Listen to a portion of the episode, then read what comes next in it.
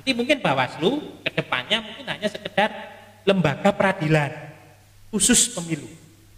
Nah, maka kita aktivasi masyarakat. Tugas-tugas pengawasan itu bukan cuma di Bawaslu saja. Ah, bukan gitu. cuma di Bawaslu saja dan memang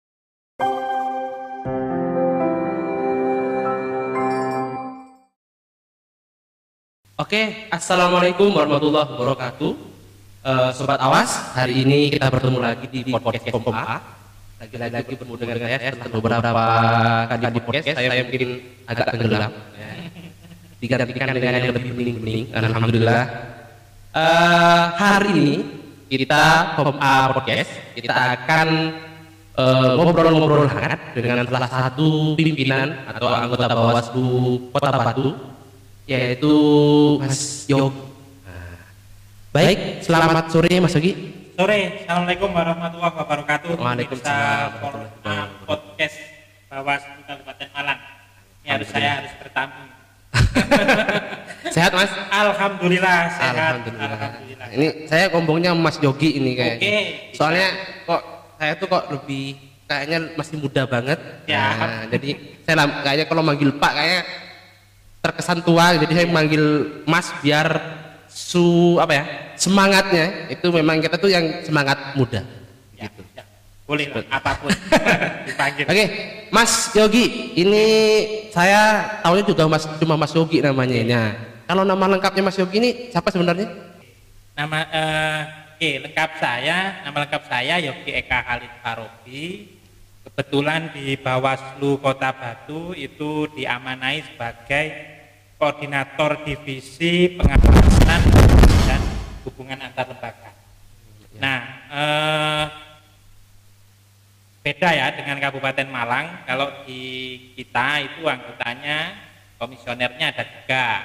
Karena memang jumlah penduduk dasarnya adalah jumlah penduduk kita di bawah 500 ribu. Nah, kalau Kabupaten Malang kan cukup tinggi, satu juta atau dua juta itu ya. 2 juta. 2 juta sehingga jumlah komisionernya 5. Nah di Batu kami itu bertiga, gitu kan? Bertiga eh, divisi sumber daya manusia dan organisasi, terus saya PHL pengawasan dan ada lagi Pak Supri itu di divisi hukum penyelesaian sengketa dan penanganan pelanggaran. Iya. Iya. Sebelum saya di pengawasan itu atau di Bawaslu, eh, dulu saya adalah anggota KIPP. IPP. Kom, eh, komi- apa? Peman, eh, independen pemantau pemilu, gitu kan? Jadi semacam Komi- kayak lembaga independen Mas. Ya, Tapi Komite Independen Pemantau Pemilu Komite. yang kebetulan amanah untuk Kota Batu itu saya yang memimpin. Jadi awal-awal itu Malang Raya pengurusan di KIPP itu. Terus kemudian dipecah. Dipecah karena memang mengharuskan seperti itu. Iya. Setiap kabupaten kota, kota Malang ada, kota Batu ada, kabupaten Malang juga ada ketika itu. Nah kebetulan saya yang mengampu atau kemudian dipercaya oleh kawan-kawan di kota Batu untuk menjadi aktivis KIPP di kota Batu. Nah itu sejak tahun 2009 ketika akhir semester ya sudah menjelang skripsi pada waktu itu pemilu ya kan Nah, terus kemudian juga kegiatan dari pemilu ke pemilu, pilkada ke pilkada, sampai kemudian di tahun 2007 ketika umur sudah cukup, eh, 2017, 11 ya. 2017 umur di, sudah cukup mendaftar sebagai eh, anggota bawah anggota Panwaslu. Jadi dulu masih Panwas. Awal-awal Panwaslu. Ah, Panwaslu pemilihan gubernur dan wakil gubernur Jawa Timur. Itu Panwaslu kabupaten tapi eh Panwaslu Panwaslu Kota. kota. Panwaslu Kota Batu itu dilantik di Juni 2017 untuk gelaran Pilgub Jatim. Hmm, ya. Nah, Pilgub Jatim selesai, ada undang-undang baru. Undang-undang baru di eh, yang mengamanatkan di kabupaten kota itu dibentuk lembaga Bawaslu yang permanen. Jadi tidak saja di RI maupun provinsi tapi di kabupaten. Kabupaten. kota. Alhamdulillah juga ketika seleksi eh, kami lolos gitu ya, saya lolos eh, sebagai salah satu dan tetap mengampu koordinator divisi yang sama. Jadi Mas Yogi ini memang pengalamannya sejak tahun 2009 Oh, 2009. itu sudah di KIPP. Sudah. di KIPP dan akhirnya di 2017 baru mendaftar menjadi anggota Panwaslu Kota Batu. Panwaslu Kota Batu. Yang ketika itu masih kan. Betul. Iya. Ad hoc. Nah, itu Mas eh, apa mungkin kalau saya sendiri ya, Iya. saya pribadi dulu itu pertama kali masuk ke dunia pengawasan itu, dunia pemilu itu ketika Pilgub 2015 yang ketika jadi itu jadi PPS. Nah, Iya. Mas Yogi sendiri apakah pernah jadi PPS atau pengawas desa atau sebelumnya? Saya murni sebagai Murni. eh, apa namanya murni sebagai eh, LSM Pemantau. ya pemantau, ya Pemantau. pemantau pemilu. Kalau konteks LSM-nya pemilu itu pemantau pemilu sejak tahun 2009 pil- eh, pemilu terus kemudian 2014 2009 eh, 2014 2015 bahkan saya memantau di Kabupaten Malang juga. Kabupaten Malang. Nah, pilkada. Pilkada ketika itu eh Pilgub ya. Ya, Pilgub. pil pilbub, pilbub, Pil- nah, pilbub. pemilihan bupati itu. Tapi pada waktu di sela-sela itu karena ketika itu masalahnya adalah umur gitu ya, umur Iya. saya belum mencapai batas minimal, pernah kami menjadi tim sek, tim teknis seleksi dari Panwaslu mulai tahun 2012. Jadi ketika dulu itu eh, ti- selektornya atau seleksi untuk Kota Batu itu dari Jakarta langsung. Pada iya. waktu itu Mas Jojo Rohi, koordinator kami KIPP kebetulan menjadi penanggung jawab di Kota Batu. Kami menjadi tim teknis, ya, nyebar undangan, sosialisasi, menghubungi wartawan, sosialisasi dengan kesbang dan sebagainya. Itu pernah kita lakukan seperti itu dengan kondisi yang jauh sangat jauh dari kata normal lah, sangat sangat terbatas ketika itu di di kota Batu pada waktu itu. Sehingga mereka masuk di 2012 kemudian di 2013 pilgub 2014 pemilu ya kan? Nah, tapi saya tetap sebagai pemantau pada waktu itu tidak Masih KIPP. Ah, ah, Masih tidak KIPP. masih istiqomah di KIPP tidak menjadi bagian dari Tidak penyelenggara penyelenggara. murni menjadi penyelenggara itu ketika Panwas di 2017 17. itu pilgub. Sejak Mas Yogi menjadi apa salah satu pimpinan atau anggota Bawaslu Kota Batu, Mas Yogi. eh, apa sih yang Mas Yogi mungkin ada hal mungkin pesan atau kesannya lebih lebih ke kesan menjadi pengawas yang itu menjadi pengawas pemilu resmi dan menjadi pengawas pemantau. Menurut Mas Yogi itu apa perbedaan yang sangat signifikan dari menjadi anggota KIPP bahkan dari kan koordinator KIPP Kota Batu dan akhirnya menjadi salah satu anggota Panwaslu Kota Batu ketika itu. Itu mungkin ya ada Cukup. signifikan atau bagaimana perubahan?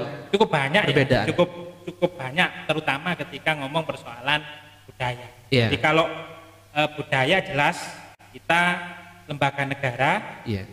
eh, ritme birokrasi harus kita ikuti yang mengatur ada regulasi terutama juga yang kedua persoalan anggaran dulu kita urunan urunan untuk KIPP iya KIPP itu urunan. Urunan. kecuali kalau dulu tahun 1999 ketika pemilu yang paling apa pemilu yang dianggap pemilu yang paling terbuka itu ada pembiayaan tapi kemudian semakin hari kita eh, ditinggalkan karena mungkin demokrasi kita dianggap sudah lebih dewasa.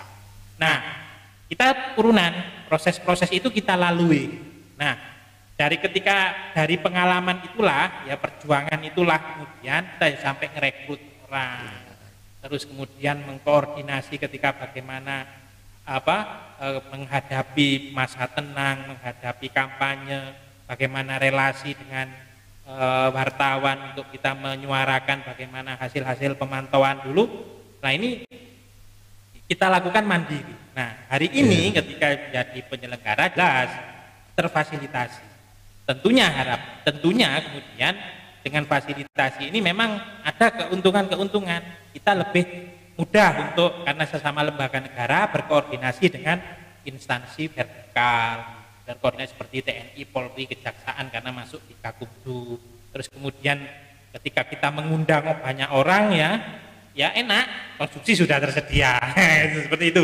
Nggak perlu urunan lagi, nggak perlu ya? urunan lagi gitu kan, nggak perlu urunan lagi. Nah, ini keasikannya. Yang jelas bahwa paling asik juga ketika di pengawas ini kita itu lebih apa ya lebih luwes di Hmm. dalam mengeks- mengeksplorasi di dalam menciptakan kegiatan-kegiatan yang sifatnya ini mampu menumbuhkan budaya pengawasan partisipatif. Nah, lebih luasnya apa? Jadi kita bisa menggandeng banyak orang. Misalnya kita tidak kadangkala tidak terpikirkan kan tokoh jaranan, ya kan tokoh seni budaya. Terus kemudian apa eh, grup tari apa, tari topeng dan sebagainya bisa kita gunakan untuk ajak untuk sosialisasi. Nah itu iya. keluasan-keluasan yang kemudian kita bisa lakukan di Bawaslu termasuk misalnya hari ini kita membangun MOU MOU dengan lembaga-lembaga pendidikan, kampus, terus kemudian S, eh, apa SL, SLTA, ya kan SMA, MA dan eh, apa SMK misalnya yang notabene adalah mereka yang sedang taraf untuk sebagai pemilih pemula. Nah, itu kita bisa masuk sesama lembaga negara ini memiliki kelelu, keleluasaan itu. Mungkin beda ya dengan mohon maaf misalnya dengan KPU. KPU sistem-sistem mereka hmm, ya. tahapan jalan. Kita melakukan pengawasan memang iya berdasarkan tahapan tapi untuk optimalisasi pengawasan yang kita lakukan kita bisa bergerak lincah membangun mitra kemudian mengide kreasikan ya apalah eh, lebih inovatif, lebih efektif dan sebagainya. Kita tidak terpikirkan misalnya harus membuat pantun pengawasan, puisi hmm, ya. pengawasan. Nah, itu kan tidak terpikirkan, tapi e, keleluasaan ini bisa kita peroleh ketika di Bawaslu. Jadi bilang ketika di Bawaslu itu kita lebih bisa lebih apa ya?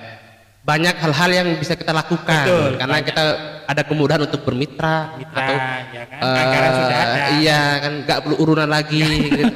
Kayaknya Mas Yogi ini kalau disuruh milih ini kayak jadi KIPP lagi atau tetap jadi Bawaslu kota jabatan kota Batu ini jabatan ini kan uh, ada batasnya yeah. nah, kita harus menyadari akan hal itu gitu kan jabatan ada batasnya kita wajib untuk kembali lagi ke masyarakat Nah ini tantangan-tantangan okay. ini kan bisa jadi pengalaman.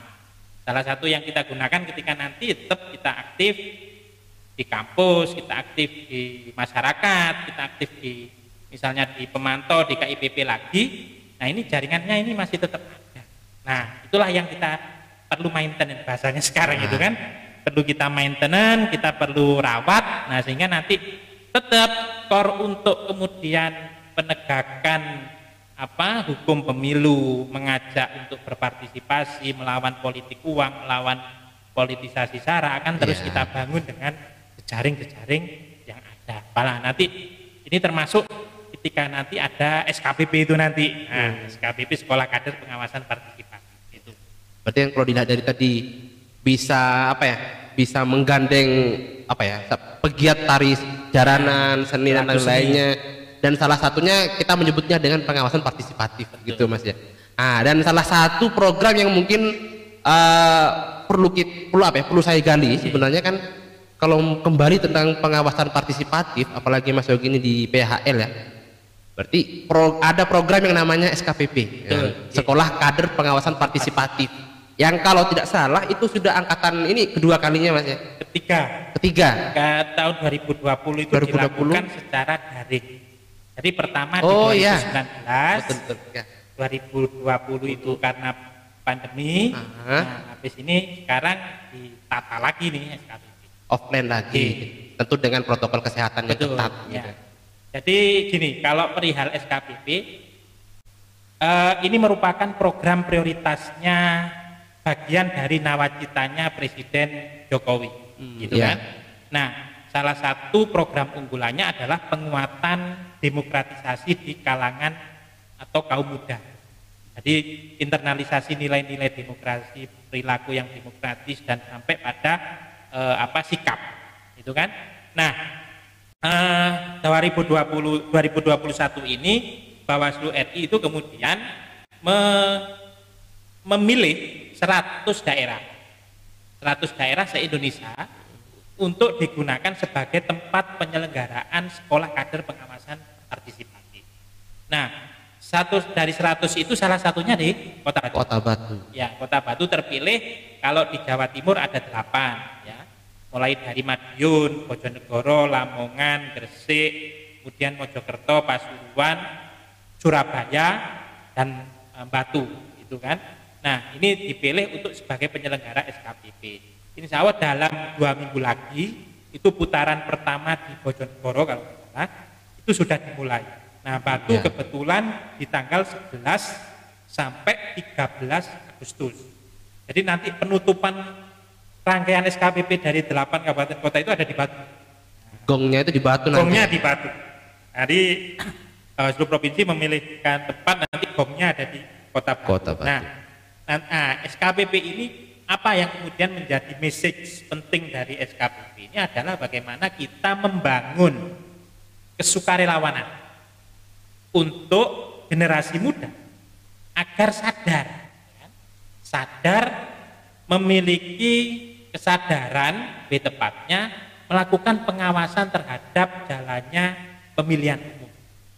Nah, kita tahu ya bahwa tidak entitas penyelenggara pemilu ini di Indonesia tidak sekedar KPU yang Ya. menyelenggarakan, tapi untuk menjamin kesesuaian dengan regulasi, menjamin kemudian eh, sesuai dengan aturan-aturan yang berlaku maka ada pengawas. Bawaslu yang hari ini mengambil peran. Nah, dari situ kemudian Bawaslu menyadari tidak bisa bekerja sendiri di dalam mengawasi Ya. kompleksitas pemilu. Nah, maka mata dan telinga ini kita sebar. Oke lah nanti di 2024 penyelenggaraan pilkada maupun pemilihan, umum. Pemilihan. Karena Undang-Undang 7 2017 memang mencaratkan sertakan di 2024. Tapi ini akan kita bangun mulai sekarang sehingga nanti ketika tahapan berlangsung mata dan telinga ini kita aktifasi. Nah, maka dari sinilah perlahan ide-ide pengawasan, konsep pengawasan itu kita transformasikan ke masyarakat. Nanti mungkin Bawaslu ke depannya mungkin hanya sekedar lembaga peradilan khusus pemilu. Nah, maka kita aktifasi masyarakat. Jadi tugas-tugas pengawasan itu bukan cuma di Bawaslu saja Ah, bukan gitu. cuma di Bawaslu saja dan memang harus wajib kita deliver ke masyarakat. Kalau SKPP tadi kan ada kan sekolah kader pengawasan partisipatif. Nah, kalau dengar dengar dengar nama kader, ini berarti kan ah, seseorang yang kita apa ya? Kita mungkin eh, didik dia untuk menjadi benar-benar menjadi pengawas partisipatif lah. Di kader ini meliputi siapa saja, Mas? Maksudnya apa nanti? Apakah pemilih pemula yang masih SMA itu bisa mengikuti atau targetnya siapa? Targetnya, oke. Jadi nanti itu saya cerita konsep dulu ya, konsep SKPP. Hmm, oke, Nah, siap. Jadi SKPP yang ada tahun 2021 ini akan berjenjang. Kalau nanti kita kabupaten kota yang menyelenggarakan itu, kabupaten kota terpilih yang menyelenggarakan itu SKPP dasar. Maksudnya SKPP dasar? SKPP dasar itu kita mencari memang eh, teman-teman yang atau kader-kader ya yang memang kita mendaftarkan diri.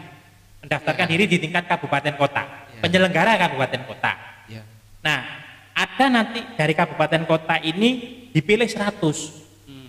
Nah, ini yang tetap ada dari 100 itu kita seleksi betul. Karena contoh kasus yang daftar kemarin itu 2000 22.000 Itu di di seluruhnya seluruh Indonesia. seluruh Indonesia.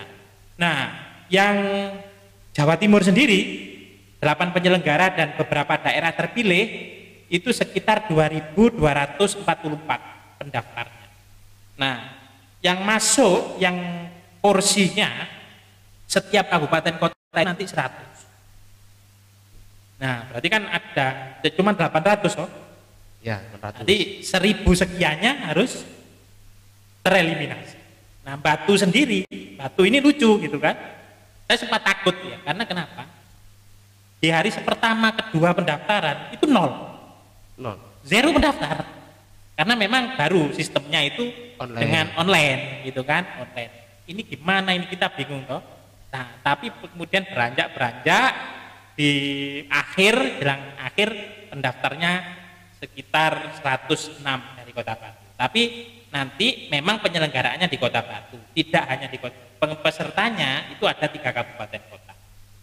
Ada Batu sendiri, Kota Malang, dan Kota Blitar yang difokuskan di Batu. Jadi 100 itu nanti eh, diperebutkan oleh tiga kabupaten. Kebetulan dari tiga itu Batu pendaftarnya tertinggi lah, tiga itu. Nah, sama dengan misalnya Surabaya. itu Surabaya kayaknya Bangkalan sama Sampang Surabaya gitu kan nah, misalnya Mojokerto Pasuruan itu masuk Mojokerto Madiun lokasi Madiun Ngawi sama Ponorogo ditempatkan di Madiun nah itu sehingga e, dari situ kemudian ini masuk yang pertama atau ya.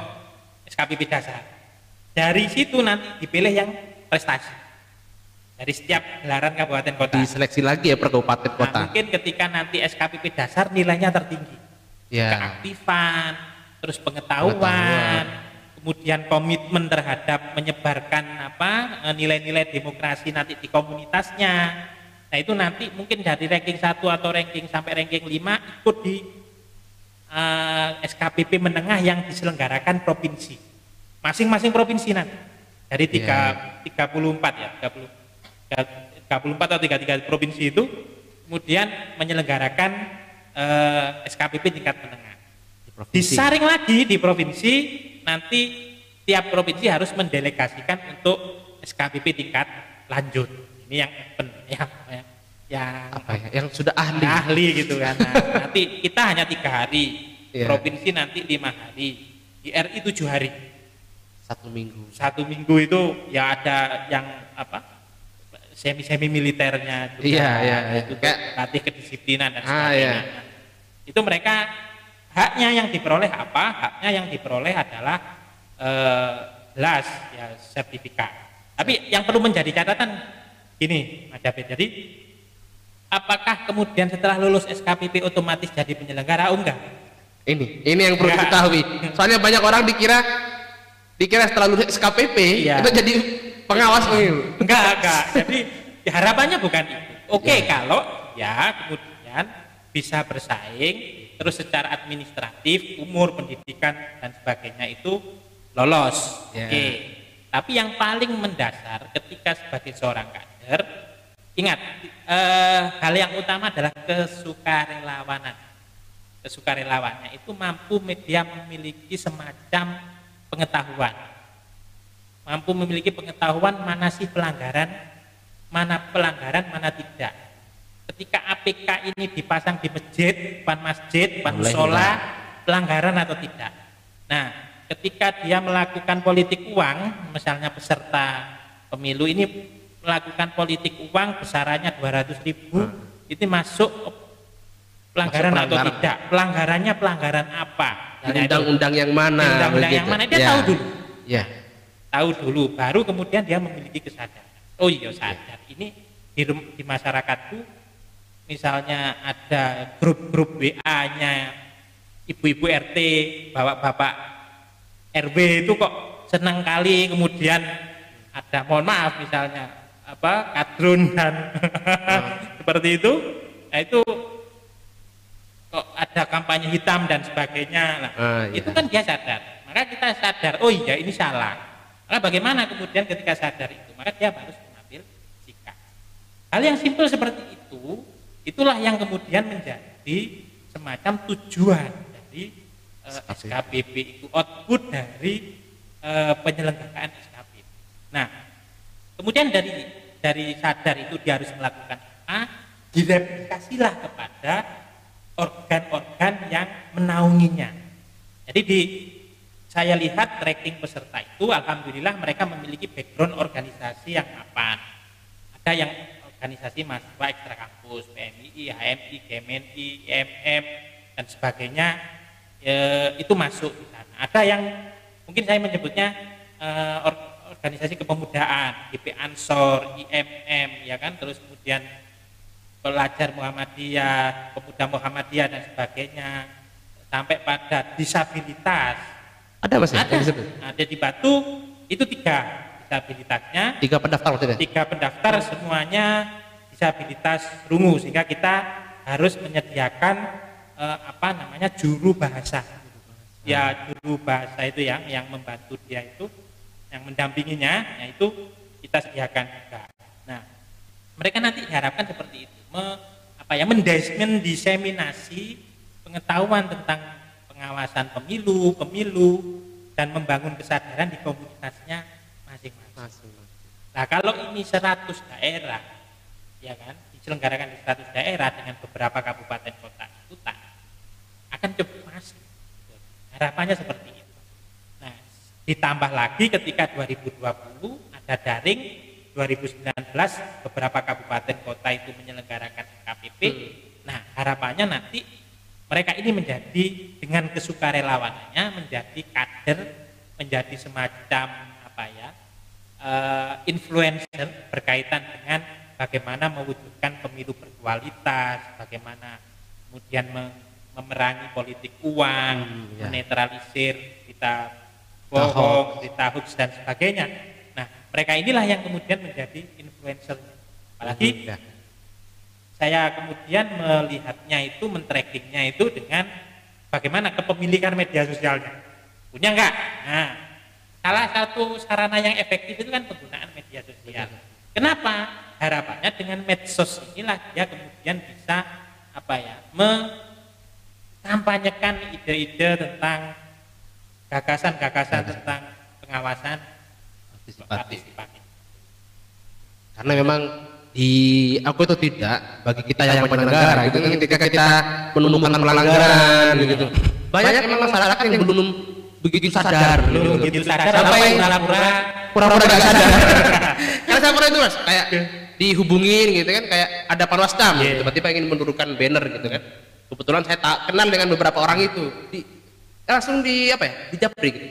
Mas Jabir itu kan banner saya taruh di pohon saya. Yeah. yang nanam itu juga saya. Itu kenapa diturunkan? Wah itu kayaknya dampaknya kayaknya kalau itu berarti kan sebenarnya tahu melanggar Betul, tetapi dia itu kayak mencari celah-celah yang ingin menantang lah menantang lah mungkin dia dengan adanya KPP kita yeah. menambah apa ya? menambah teman kita menambah pasukan Bawaslu tentunya dalam hal pengawasan ya kalau itu akhirnya kita membincang periode kemarin ketika yeah. mungkin Mas Mas David yeah. kebetulan Kabupaten Malang ada pilkada pilkada ya, kalau kami nanti pilkadanya di 2024 di Kota Batu itu maka jumlah ketika yang melapor sama temuan itu kan jomplang Eh, nah, berapa mas di Batu? Kalau ya laporan hanya satu, temuan? Temuan ya, mencapai ratusan, mulai dari APK dan sebagainya. Nah, itu ya, kan jomplang. Ya, Harapannya ya, kan betul, nanti imbang, ya, temuannya oke, tapi laporan masyarakat.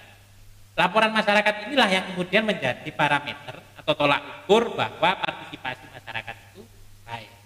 Memang oke lah kita hargai kadang melalui WA kita, Mas, di ngarepin ya. apa di depan sekolah tempat saya itu dipasangi banner caleg A. Ini bagaimana? Oke, akhirnya kan informasi awal kita jadikan temuan. Akhirnya bukan melapor malah temuan. Temuan kita. itu kan uh, harapannya mereka uh, memiliki bahkan nyeles, selesainya dengan mereka yang sedang memasang misalnya karena SKPP dia paham. Mas, ketika Mas jangan pasang begini karena ini adalah Mas atau Mbak ini jangan dipasang di sini karena mereka ini adalah tempat ibadah ini adalah tempat pendidikan pasalnya ini itu harus ada dalam diri atau figur dari figur dari uh, kader. kader itu figur dari kader sehingga oh iya mas ya. Mbak mohon maaf saya nggak tahu aturannya itu kadang ada nah, terus masuk juga bagaimana ketika menghadapi uh, apa uh, misalnya informasi ada politik iya. uang dan sebagainya. Kalau mereka takut kan secara otomatis mereka bisa menjadi pelapor di yang ber, ber apa berkunjung langsung ke kantor kan gitu. Nah inilah yang apa menjadi harapan. Maka nanti ini kita ngomong persoalan teknisnya penyelenggaraan pendidikannya bagaimana. Murni ini nanti full andragogi. Ya, Jadi pendidikan siap. orang dewasa. SKPP ini jadi murni pendidikan orang dewasa, narasumber itu bukan sebagai guru yang harus didengarkan pidatonya. Enggak. Mereka ketika kemarin TUT, Jumat Sabtu Minggu kemarin TUT, murni harus diimplementasikan metode pembelajaran andragogi. Narasumber, oke okay, narasumbernya adalah Bawaslu RI pakar-pakar kepemiluan ya. pakar kepemiluan dari KIPP, DPPR, uh, tepi dan sebagainya itu kemudian e, memberikan materi. Mereka pun tidak diperbolehkan untuk memberikan materi yang panjang, yeah. tapi bagaimana merangsang diskusi. Karena apa yang menjadi dasar bahwa setiap manusia, setiap kadernya atau calon kader, setiap peserta ini pasti berangkat tidak dengan Tangan kosong. pikiran kosong ya, pikiran kosong. Ibaratnya gelas itu kan, tidak dengan gelas yang kosong, tapi pada isi dengan berbagai uh, ukuran. Nah, maka isi dengan berbagai ukuran itulah yang kemudian saling uh, diisi dengan di antara satu yang lainnya dengan proses diskusi terus kemudian apa ya uh, simulasi, breaking dan sebagainya. Narasumber sifatnya sebagai pemantik dan kemudian penutup dari proses diskusi yang diselenggarakan di antara ya. mereka di setiap sesi. Ada banyak materi. Pertama itu berkaitan dengan pembangunan karakter. Pembangunan karakter ya, ya. karakter building karakter penting terus diberikan pula berkaitan dengan kepemimpinan dan kemudian kesukarelaan ya.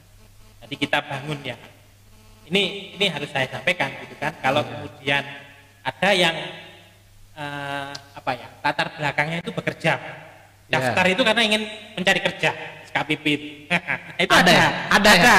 di kan harus menyerahkan ini uh, eh, CV motivasi.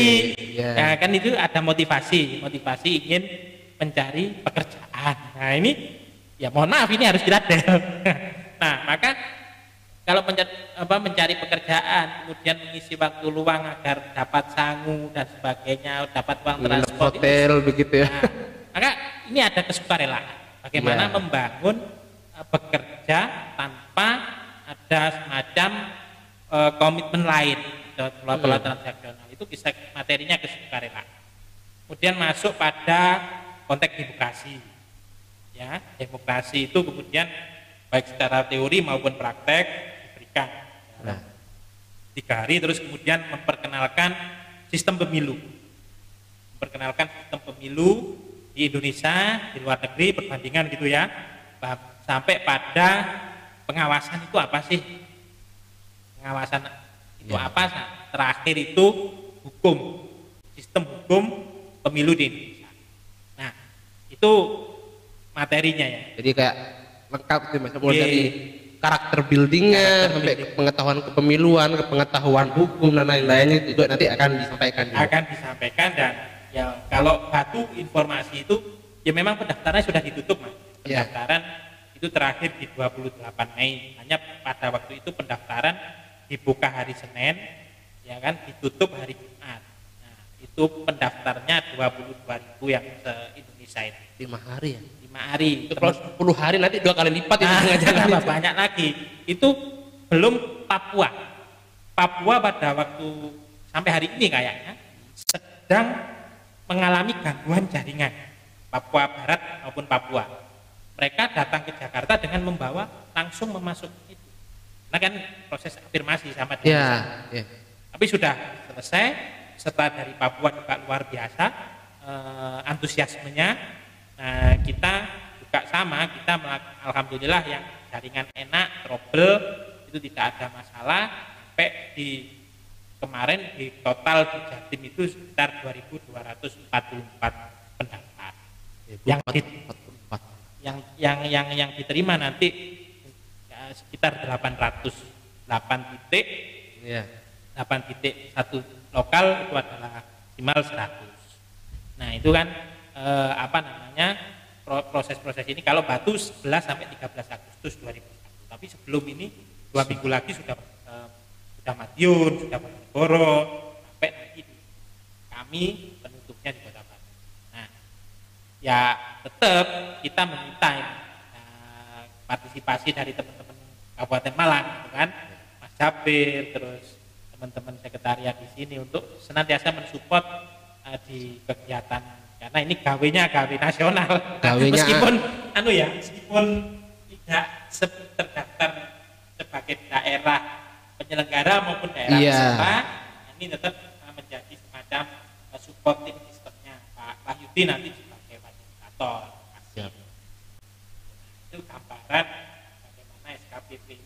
saya saya saya yakin nanti di 2022 daerah-daerah iya. yang belum inilah yang kemudian menjadi sasaran. Kayak giliran-giliran begitu mas. Tuh, nanti misalnya hari ini di Malang Raya ini kan peserta penyelenggaraan batu pesertanya selain batu juga Malang. Kabupaten Malang kan nggak penyelenggara. Miknya mas. Nah, agak ah, iya. itu. Terus habis itu kemudian mungkin nanti penyelenggaranya tahun depan di Kabupaten Malang. Kabupaten Malang. Kabupaten Malang nah ini kita pasti ya karena mungkin persoalan anggaran terus prokes dan sebagainya sehingga eh, bergantian untuk penyelenggaraan Karena juga kalau mungkin Kabupaten Malang diikutkan, mungkin kan dari 33 kecamatan jangan-jangan nanti bisa membludak juga jangan-jangan saya gitu ya. yakin saya yakin ini lebih banyak lagi pesertanya Kan di Batu ada tiga kecamatan mas ya? Ada Tiga tiga kecamatan. kecamatan, itu pendaftarnya total 106. 106 Ya, 106 itu pun harus ya otomatis kita kayaknya ya kayaknya ini. Hanya memperoleh jatah sekitar 40 jadi kan buangnya separuh Iya. lebih buangnya separuh lebih itu kan. Buangnya sepa- eh, separuh lebih ya kita akan di mana ya kita ada program ini harus nyentil ini mas ya. Mohon Oke, maaf. siap. ada program namanya kegiatan-kegiatan kolubium serupa serupa dengan SKPP tapi nanti ada perbedaannya terletak pada outputnya. Outputnya harus ada semacam laporan penelitian laporan Ya. hasil lapang. Misalnya kemarin di kami itu mahasiswa dari Universitas Brawijaya dan Universitas Muhammadiyah Malang itu ikut kegiatan kolokium. Nah kolokium pengawasan partisipatif. Ini program andalan kami untuk mengisi jeda pemilu. Nah sama materinya secara umum hampir sama dengan SKPP. SKPP kan? Nah mereka akan kita libatkan tetap tanpa mengurangi hak tetap juga dapat apa namanya eh, semacam sertifikat misalnya itu tetap kalau kemudian dia menjadi eh, apa cukup umur eh, lolos seleksi dia bisa jadi PTPS Pak. nah yang kemudian di, nanti diaktifasi di jelang tahun 2024 seperti itu. Jadi eh, jangan berkecil hati gitu kan. Kita ada pendidikan-pendidikan dengan kualitas atau konten yang sama. Kualitas konten yang sama dalam rangka membentuk kader. Kita sudah 2019 100 orang. Yang di kolegium itu. ya yang yang SKPP Ya, kok yang KPP. karena kan nggak boleh ikut. Saya kemudian meminta teman-teman staf untuk membatasi pendaftar yang pernah ikut di kolokium maupun SKPP di 2019 maupun SKPP daring kemarin 2020 untuk tidak lagi ikut di SKPP 2021 meskipun SKPP daring diperbolehkan peserta yang pernah mengikuti SKPP daring kemarin diperbolehkan untuk ikut lagi di SKPP eh, apa Tahun 2021. Tapi biar apa ya, biar semuanya ingin eh, semuanya bisa berpartisipasi, semuanya bisa dapat ilmu, kita ambil kebijakan nih untuk yang pernah SKPP apalagi di 2019 terus SKPP di 2020 daring itu tidak ikut lagi. Tapi alhamdulillah kita harus menseleksi harus Membuang setengah lebih. setengah lebih untuk tidak ikut nah ini yang kemudian saya kira saya masih berkeyakinan bahwa hal yang eh, apa hal yang sebenarnya tidak tidak kita pikirkan atau kita takutkan bahwa kita sendiri itu ternyata ada banyak eh, kawan-kawan muda, sahabat-sahabat muda, teman-teman muda kita yang masih peduli. Nah, kita jaring lah itu. Dan yang paling penting dan paling utama adalah pasca ini jangan sampai mereka kemudian tidak memiliki aktivitas. Nah, Iya, itu paling penting. Bahwa kita sudah merancang beberapa kegiatan gitu ya.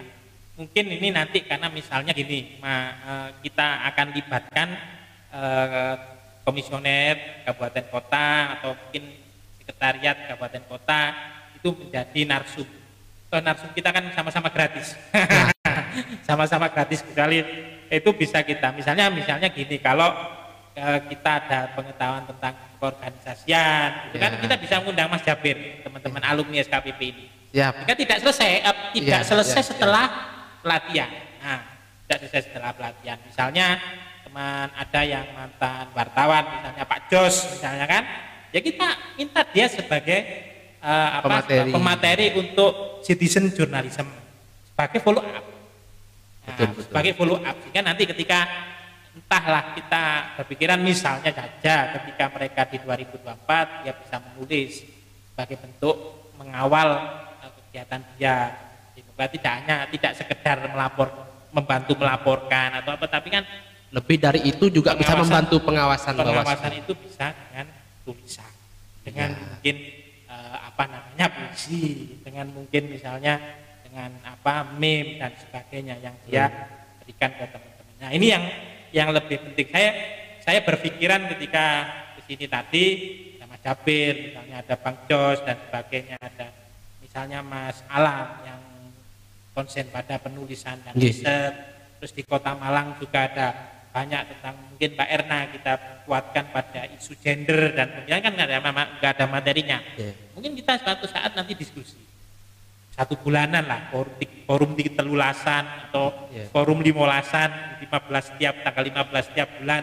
itulah yang paling penting untuk kita maintain hal, hal yang sama kita lakukan ketika yaitu peserta kemarin di daring itu ada kita ikutkan pelatihan dalam buat videografi Nah, itu proses itu. Jadi tidak hanya sekedar formalitas eh, apa namanya selesai kegiatan selesai.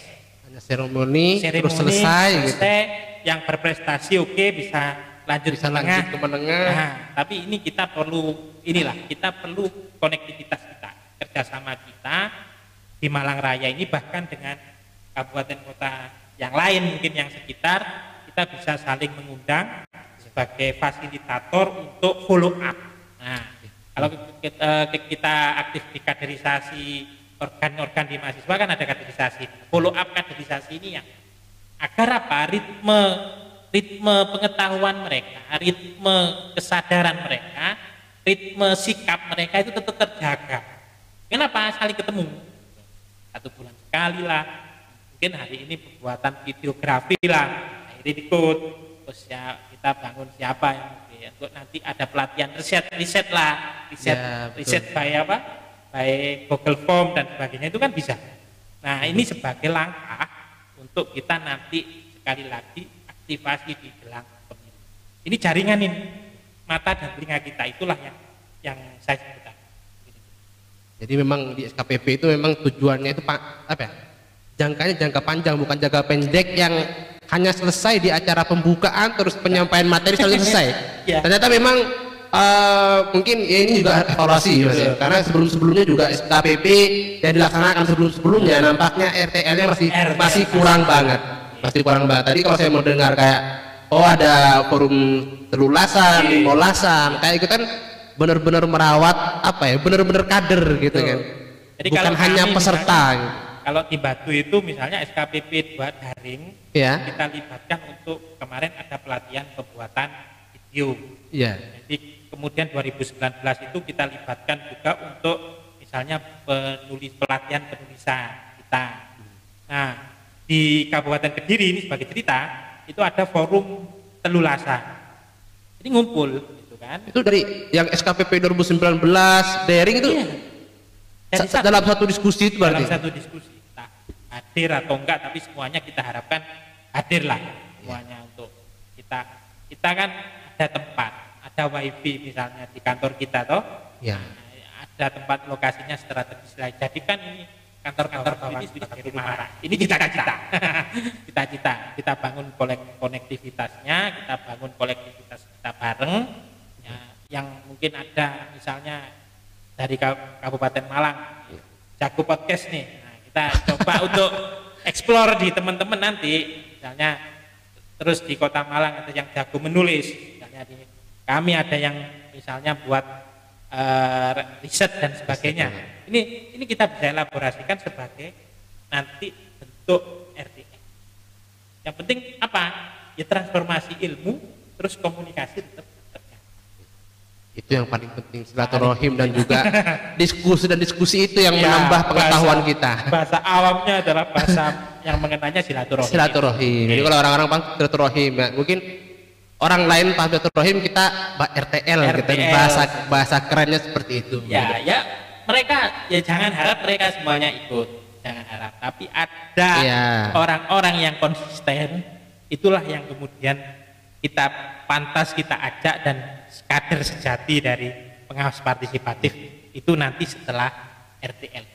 Karena memang kalau di kaderisasi itu kita mengenal yang namanya seleksi alam. Oke, meskipun katakanlah ya betul. Jadi tetap kita mereka kita fasilitasi ya.